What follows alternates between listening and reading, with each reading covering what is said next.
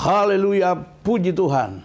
Saya sampaikan selamat hari Minggu kepada ibu bapak saudara semua yang saat ini sedang ada di rumah masing-masing untuk mengikuti atau beribadah kepada Tuhan dan mengikuti renungan firman Tuhan melalui live streaming ini. Saya percaya hari ini Tuhan hadir di tempat kita masing-masing dan dia yang hadir di tempat kita masing-masing pasti memberkati kita semua. Tundukkan kepala dan kita sama-sama akan berdoa. Terima kasih Tuhan buat hari Minggu ini kembali. Kami sudah siap untuk menerima akan kebenaran-kebenaran-Mu. Mari berbicara kepada kami semua lewat firman-Mu. Sebab langit dan bumi akan lenyap, tapi firman-Mu kekal selama-lamanya. Karena itu biarlah perkara yang kekal itulah yang diwartakan berulang-ulang kali bagi kami semua supaya kami terus dibimbing Tuhan, diajar, dinasihati, ditegur, bahkan diberkati Tuhan lewat firman-Mu. Dan jika di hari-hari ini ke depan ada masalah pergumulan yang sedang kami hadapi, kami percaya Tuhan yang hadir di rumah kami masing-masing, di hidup kami, pasti sanggup menolong dan memulihkan keadaan kami.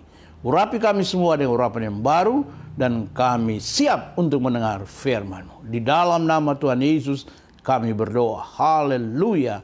Amin, amin, amin. Nah, puji Tuhan, Ibu Bapak yang kasih dalam Tuhan, hari ini tema kita adalah anggur baru di tempat baru. Sekali lagi saya ulangi, anggur baru di tempat baru. Nah, saya bacakan firman Tuhan dulu bagi kita semua. Ibu Bapak, mari silakan buka Alkitab dan bisa membaca bersama-sama dengan saya ya.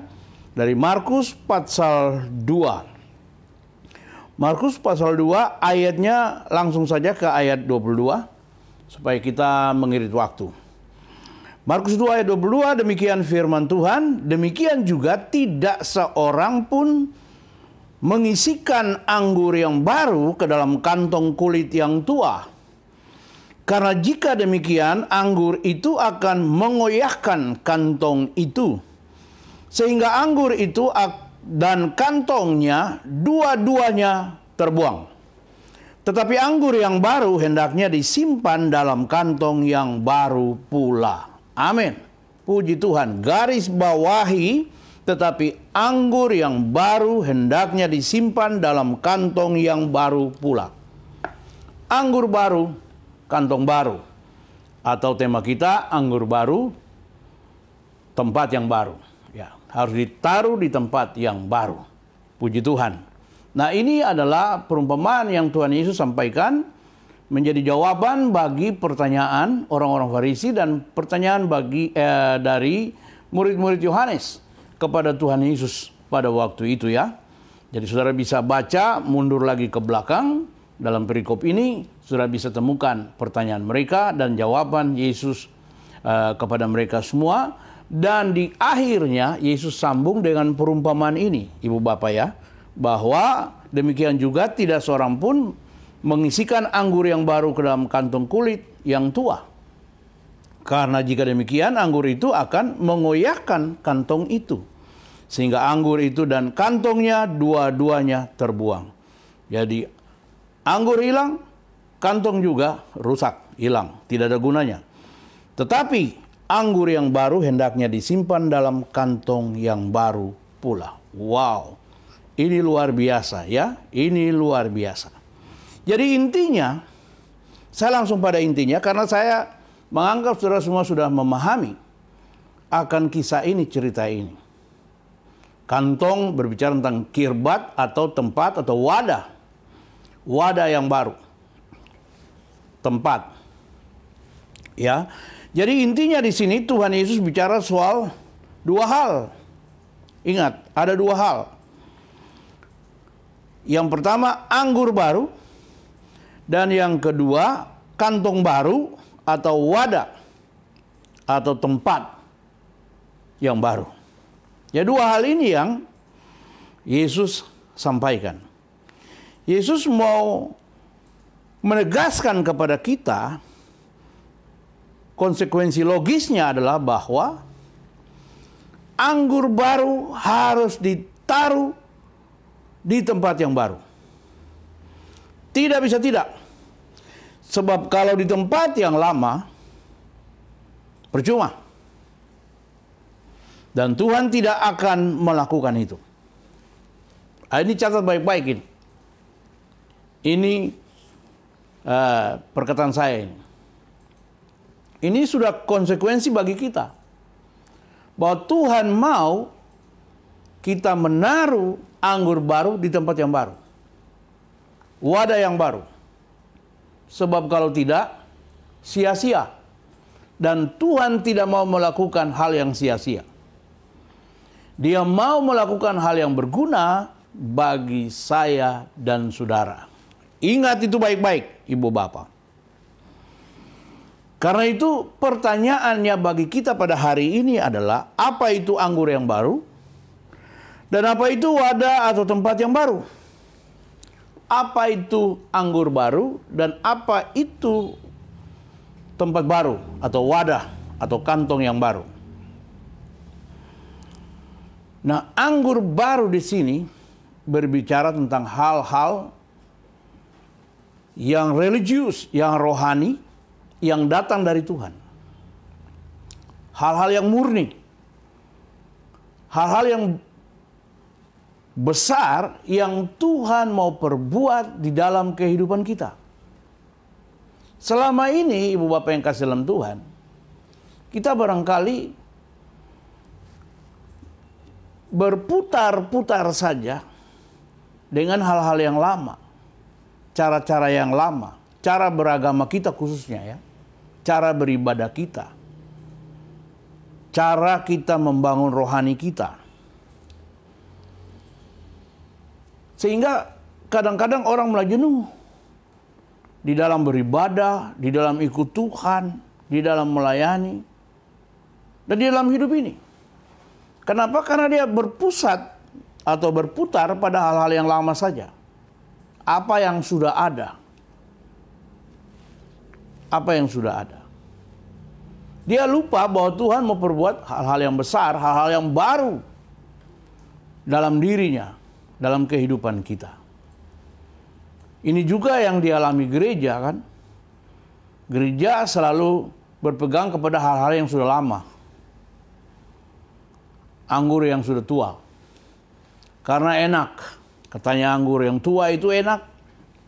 Itu berbicara tentang kenyamanan dan orang tidak mau berubah, tidak mau melihat hal-hal yang baru yang Tuhan mau perbuat dalam kehidupan kita manusia khususnya orang yang beragama, orang yang percaya kepada Tuhan.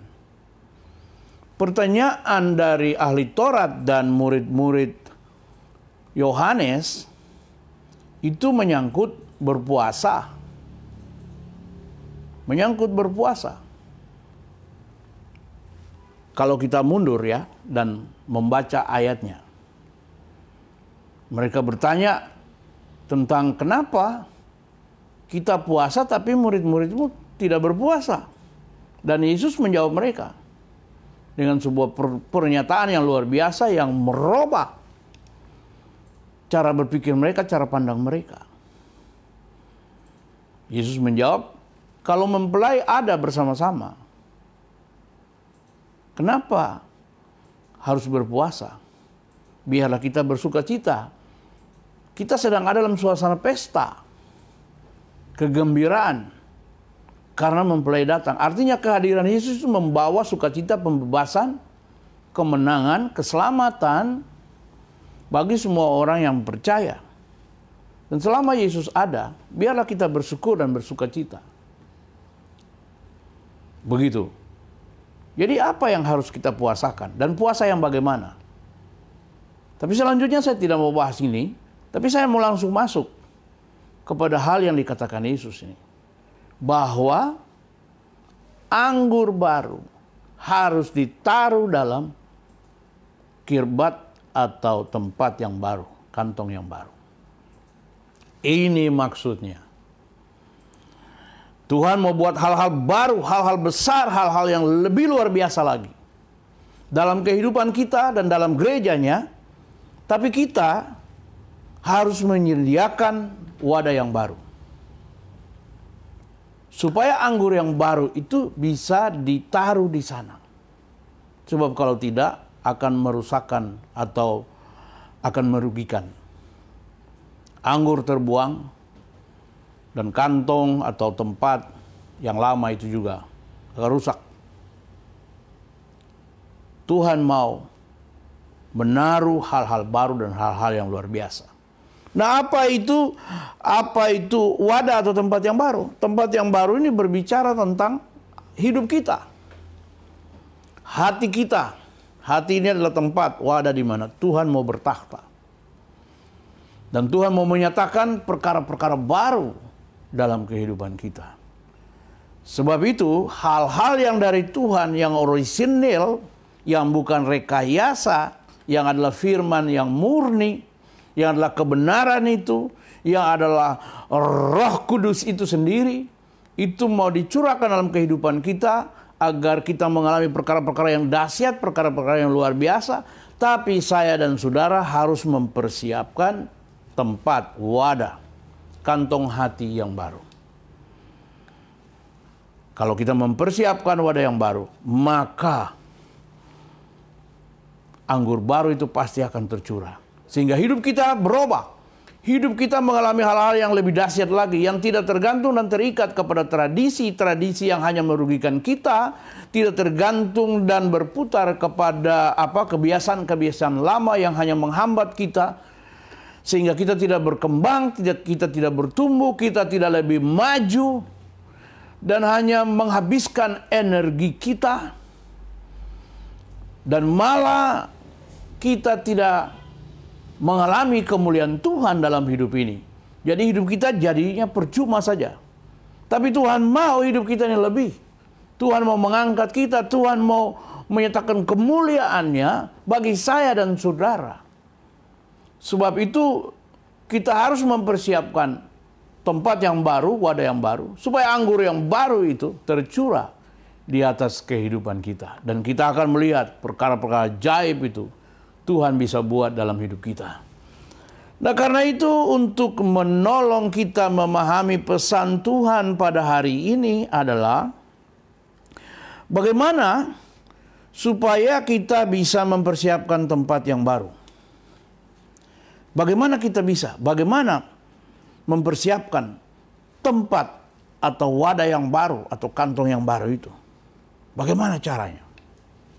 Nah, ini ini yang perlu kita bicarakan.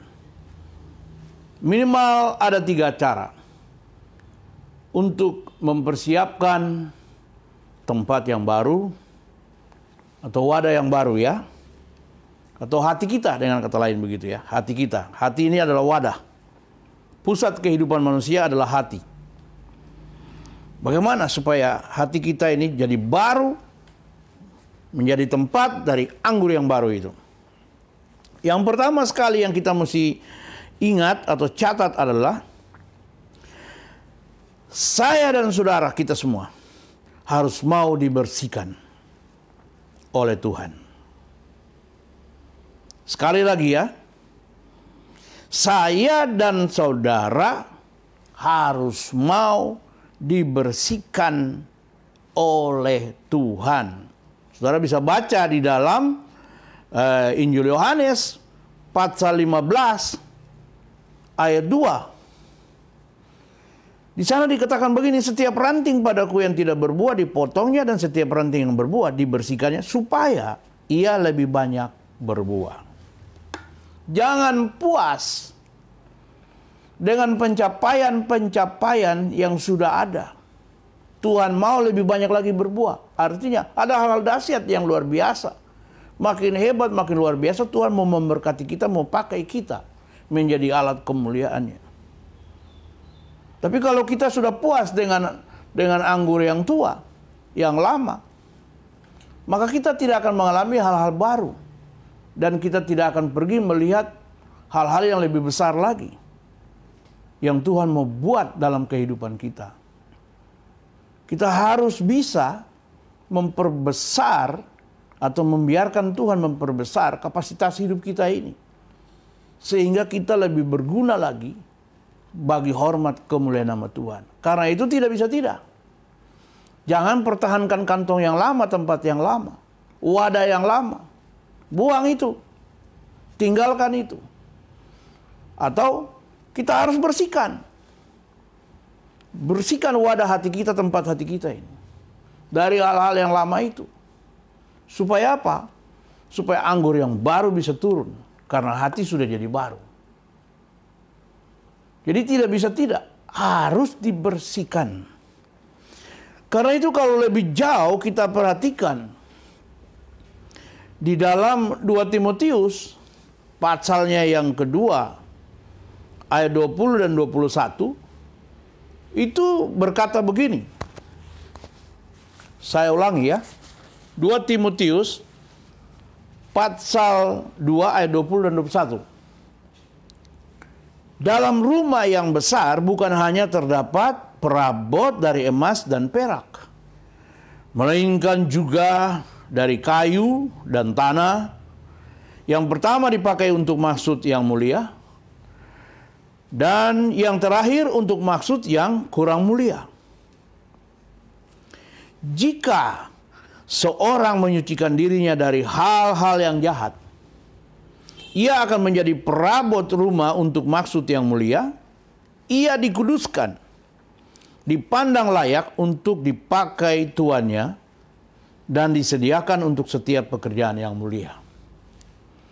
Tuhan mau lebih luar biasa lagi bekerja dalam hidup kita, sehingga kehidupan kita tidak hanya rutinitas belaka, jadi orang percaya hamba Tuhan yang hanya rutinitas saja dengan pelayanan-pelayanan yang biasa.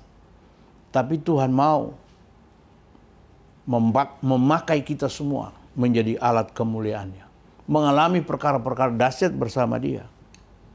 Kita harus siapkan wadah yang baru.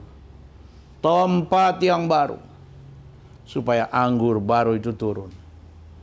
Kalau anggur baru masuk dalam wadah yang baru, kita akan menikmati hal-hal yang baru bersama dengan Tuhan. Dan saya percaya Tuhan senang. Tuhan senang untuk mencurahkan anggur yang baru dalam hati kita, dalam hidup kita. Tuhan mau itu. Karena itu dia berkata dengan tegas, anggur yang baru tidak ditaruh dalam kantong yang lama, tempat yang lama, wadah yang lama, tapi wadah yang baru. Yang layak untuk menerimanya karena dia, Tuhan itu, mau perbuat perkara-perkara besar dalam kehidupan kita. Jangan berpuas diri dengan pencapaian yang saudara-saudara sudah hadapi, dengan keadaan rohani saudara hari ini, kekristenan saudara hari ini, dengan cara-cara ibadah saudara hari ini, cara memahami Tuhan, mengikut Tuhan hari ini, tinggalkan cara-cara yang sudah sudah lama, sudah mulai usang itu. Tuhan bekerja sesuai dengan zamannya. Dan dia mau melakukan hal-hal dahsyat di zaman ini ke depan Ingat itu saudara-saudara.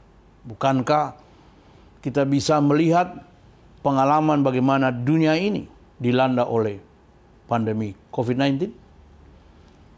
Bukan soal pandeminya, bukan soal COVID-19-nya.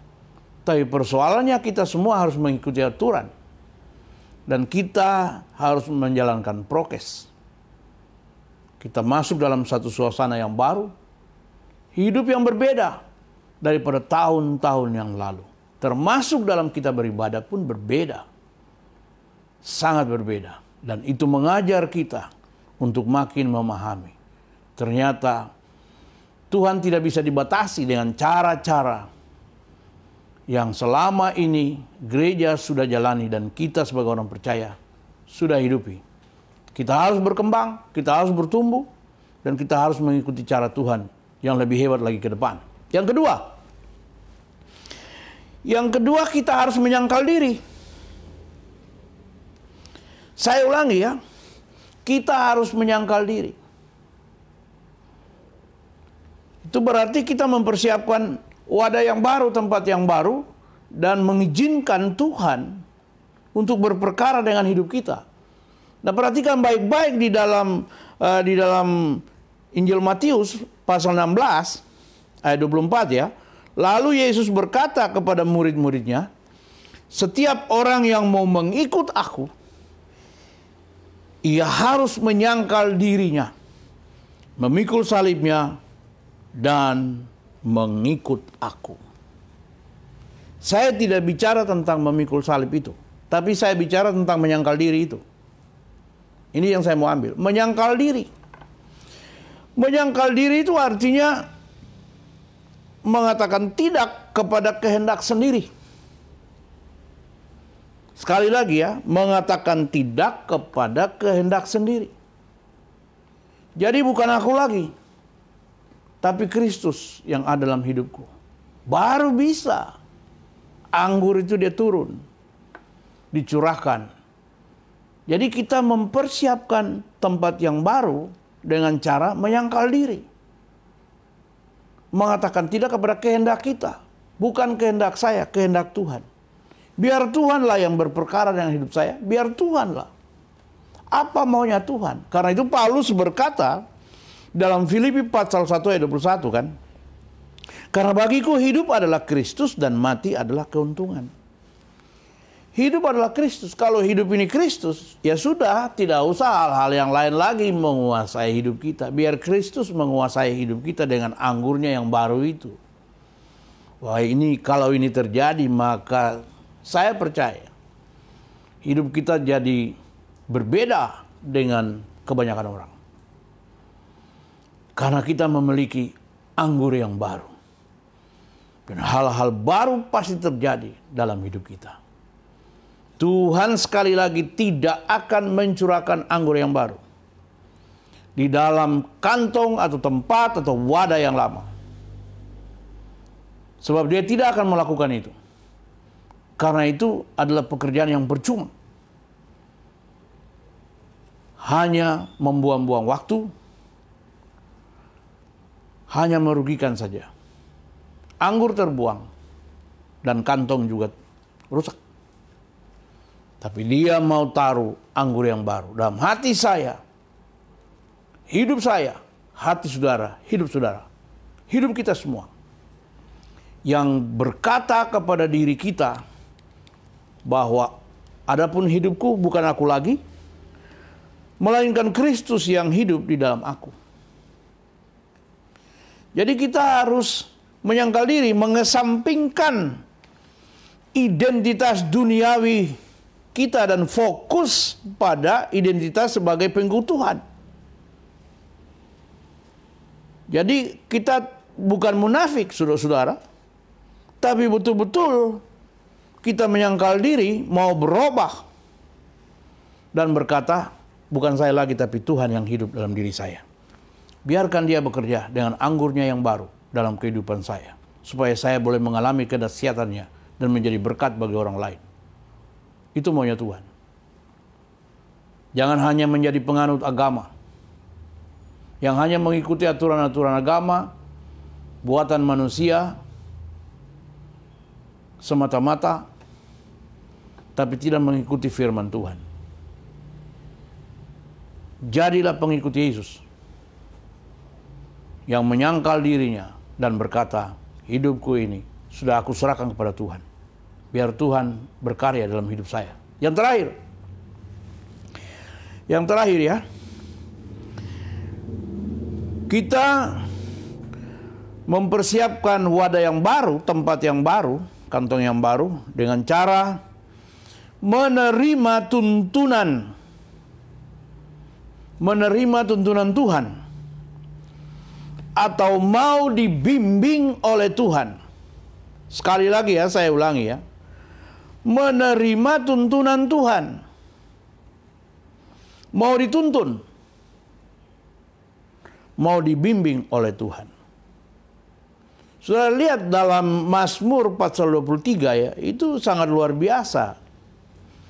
Di sana pemazmur berkata begini. Mazmur Daud ya, Tuhan adalah gembalaku, takkan kekurangan aku. Lalu dia bilang, ia membaringkan aku di padang yang berumput hijau. ia membimbing aku ke air yang tenang. Merelakan diri, dibimbing oleh Tuhan. Ia menyegarkan jiwaku, ayat 3 ya. Ia menuntun aku di jalan yang benar oleh karena namanya.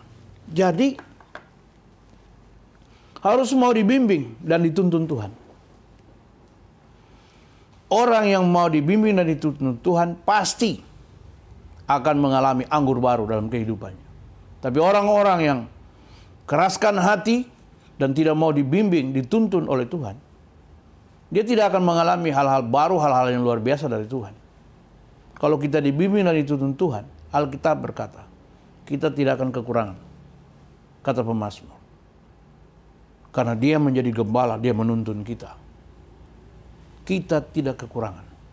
Tuhan itu cukup bagi kita. Asal kita rela dibimbing, dituntun oleh Tuhan. Bahkan kita mengalami padang yang berumput hijau. Kita mengalami air tenang. Dan Alkitab berkata selanjutnya, sekalipun aku berjalan dalam lembah kekelaman, aku tidak takut bahaya sebab engkau besertaku. Gadamu dan tongkatmu, itulah yang menghibur aku. Dahsyat, ini sesuatu yang dahsyat. Mau dibimbing Tuhan, sehingga mengalami perkara-perkara dahsyat dari Tuhan. Dikatakan lagi engkau menyediakan hidangan bagiku di hadapan lawanku. Engkau mengurapi kepalaku dengan minyak. Biarlah aku penuh melimpah. Kebajikan dan kemurahan belaka akan mengikuti aku seumur hidup. Dan aku akan diam dalam rumah Tuhan sepanjang masa. Akhirnya kita mengambil sebuah tekad. Saya mau bersama-sama dengan Tuhan. Di dunia ini sampai di surga. Di dunia ini kita menjadi berkat bagi banyak orang supaya Tuhan dimuliakan. Jangan kehidupan keagamaanmu menghalangi orang untuk berjumpa dengan Tuhan. Jangan aturan-aturan agamamu menghambat orang untuk saling mengasihi, saling membagi hidup, saling tolong menolong dan hidup gotong royong. Jangan. Itu cara lama. Cara baru adalah persiapkan wadah yang baru, hati yang baru, hidup yang baru, supaya anggur yang baru turun. Sehingga kita mengalami hal-hal di luar batas, di luar batas ya, kemampuan kita. Tuhan akan berbuat perkara-perkara yang dahsyat karena Dia Allah yang tidak terbatas.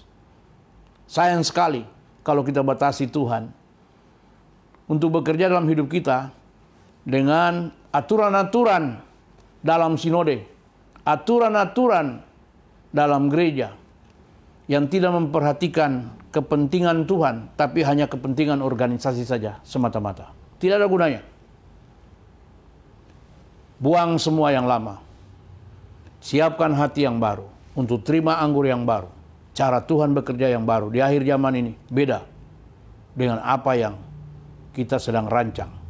Biarkan Tuhan berbuat sesuatu yang baru dalam hidup saya dan hidup saudara. Selamat berjuang dalam tahun yang baru ini, dalam melewati hari demi hari, minggu demi minggu, dan bulan demi bulan bersama dengan Tuhan. Tuhan Yesus memberkati saudara semua pada hari ini.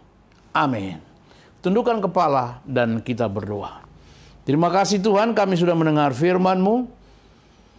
Biar Tuhan meteraikan itu dalam hati kami semua. Supaya hidup kami jadi berubah. Seperti yang Tuhan mau ada wadah yang baru dalam hidup kami, hati yang baru untuk menerima anggur yang baru dari Tuhan, sehingga hidup kami lebih bermakna lagi dan memuliakan Tuhan. Saya berdoa dan menyerahkan semua jemaatmu yang sedang mengikuti renungan live streaming ini, apa pun masalah dan pergumulan mereka, Tuhan ulurkan tangan, jama dan lawat mereka semua di dalam nama Tuhan Yesus. Yang susah engkau hiburkan, yang lemah engkau kuatkan kembali. Yang sakit jama dan sembuhkan, yang terikat bebaskan Tuhan. Dan mereka yang menanti-nantikan berkat dan pertolongan Tuhan di hari-hari ini. Tuhan curahkan berkatmu bagi mereka semua. Tuhan berkati pemerintah bangsa dan negara kami, pemimpin dari pusat sampai ke daerah. Dan Tuhan juga tetap menyertai dan memberkati para medis yang sedang berjuang untuk membantu semua masyarakat agar mengalami pemulihan dari sakit penyakit yang mereka derita. Terima kasih Tuhan, kami serahkan TNI Polri, Angkatan Darat, Laut, Udara, ke dalam tangan Tuhan, biar Tuhan kasih kekuatan, kemampuan, hikmat untuk menjaga negeri ini. Biar atmosfer sorga turun di atas negeri kami, sehingga Indonesia tetap penuh damai. Kami doakan ibu kota baru Nusantara, Tuhan berkati. Terima kasih Tuhan, sekarang turunkan berkatmu dan berkati kami semua. Mari saudara angkat dua tangan, buka di hadapan Tuhan, terima berkat dari Tuhan. Kasih karunia dan damai sejahtera yang melimpah-limpah dari Bapa kita di sorga, rahmat dan anugerah dari anaknya yang tunggal Tuhan kita Yesus Kristus, serta persekutuan kuat kuasa roh kudus, biarlah memimpin, menyertai saudara semua. Mulai saat ini sampai Maranatha, Tuhan Yesus datang kembali. Semua kita yang diberkati bersuka cita dan tetap punya pengharapan dalam Yesus. Sama-sama kita katakan, amin.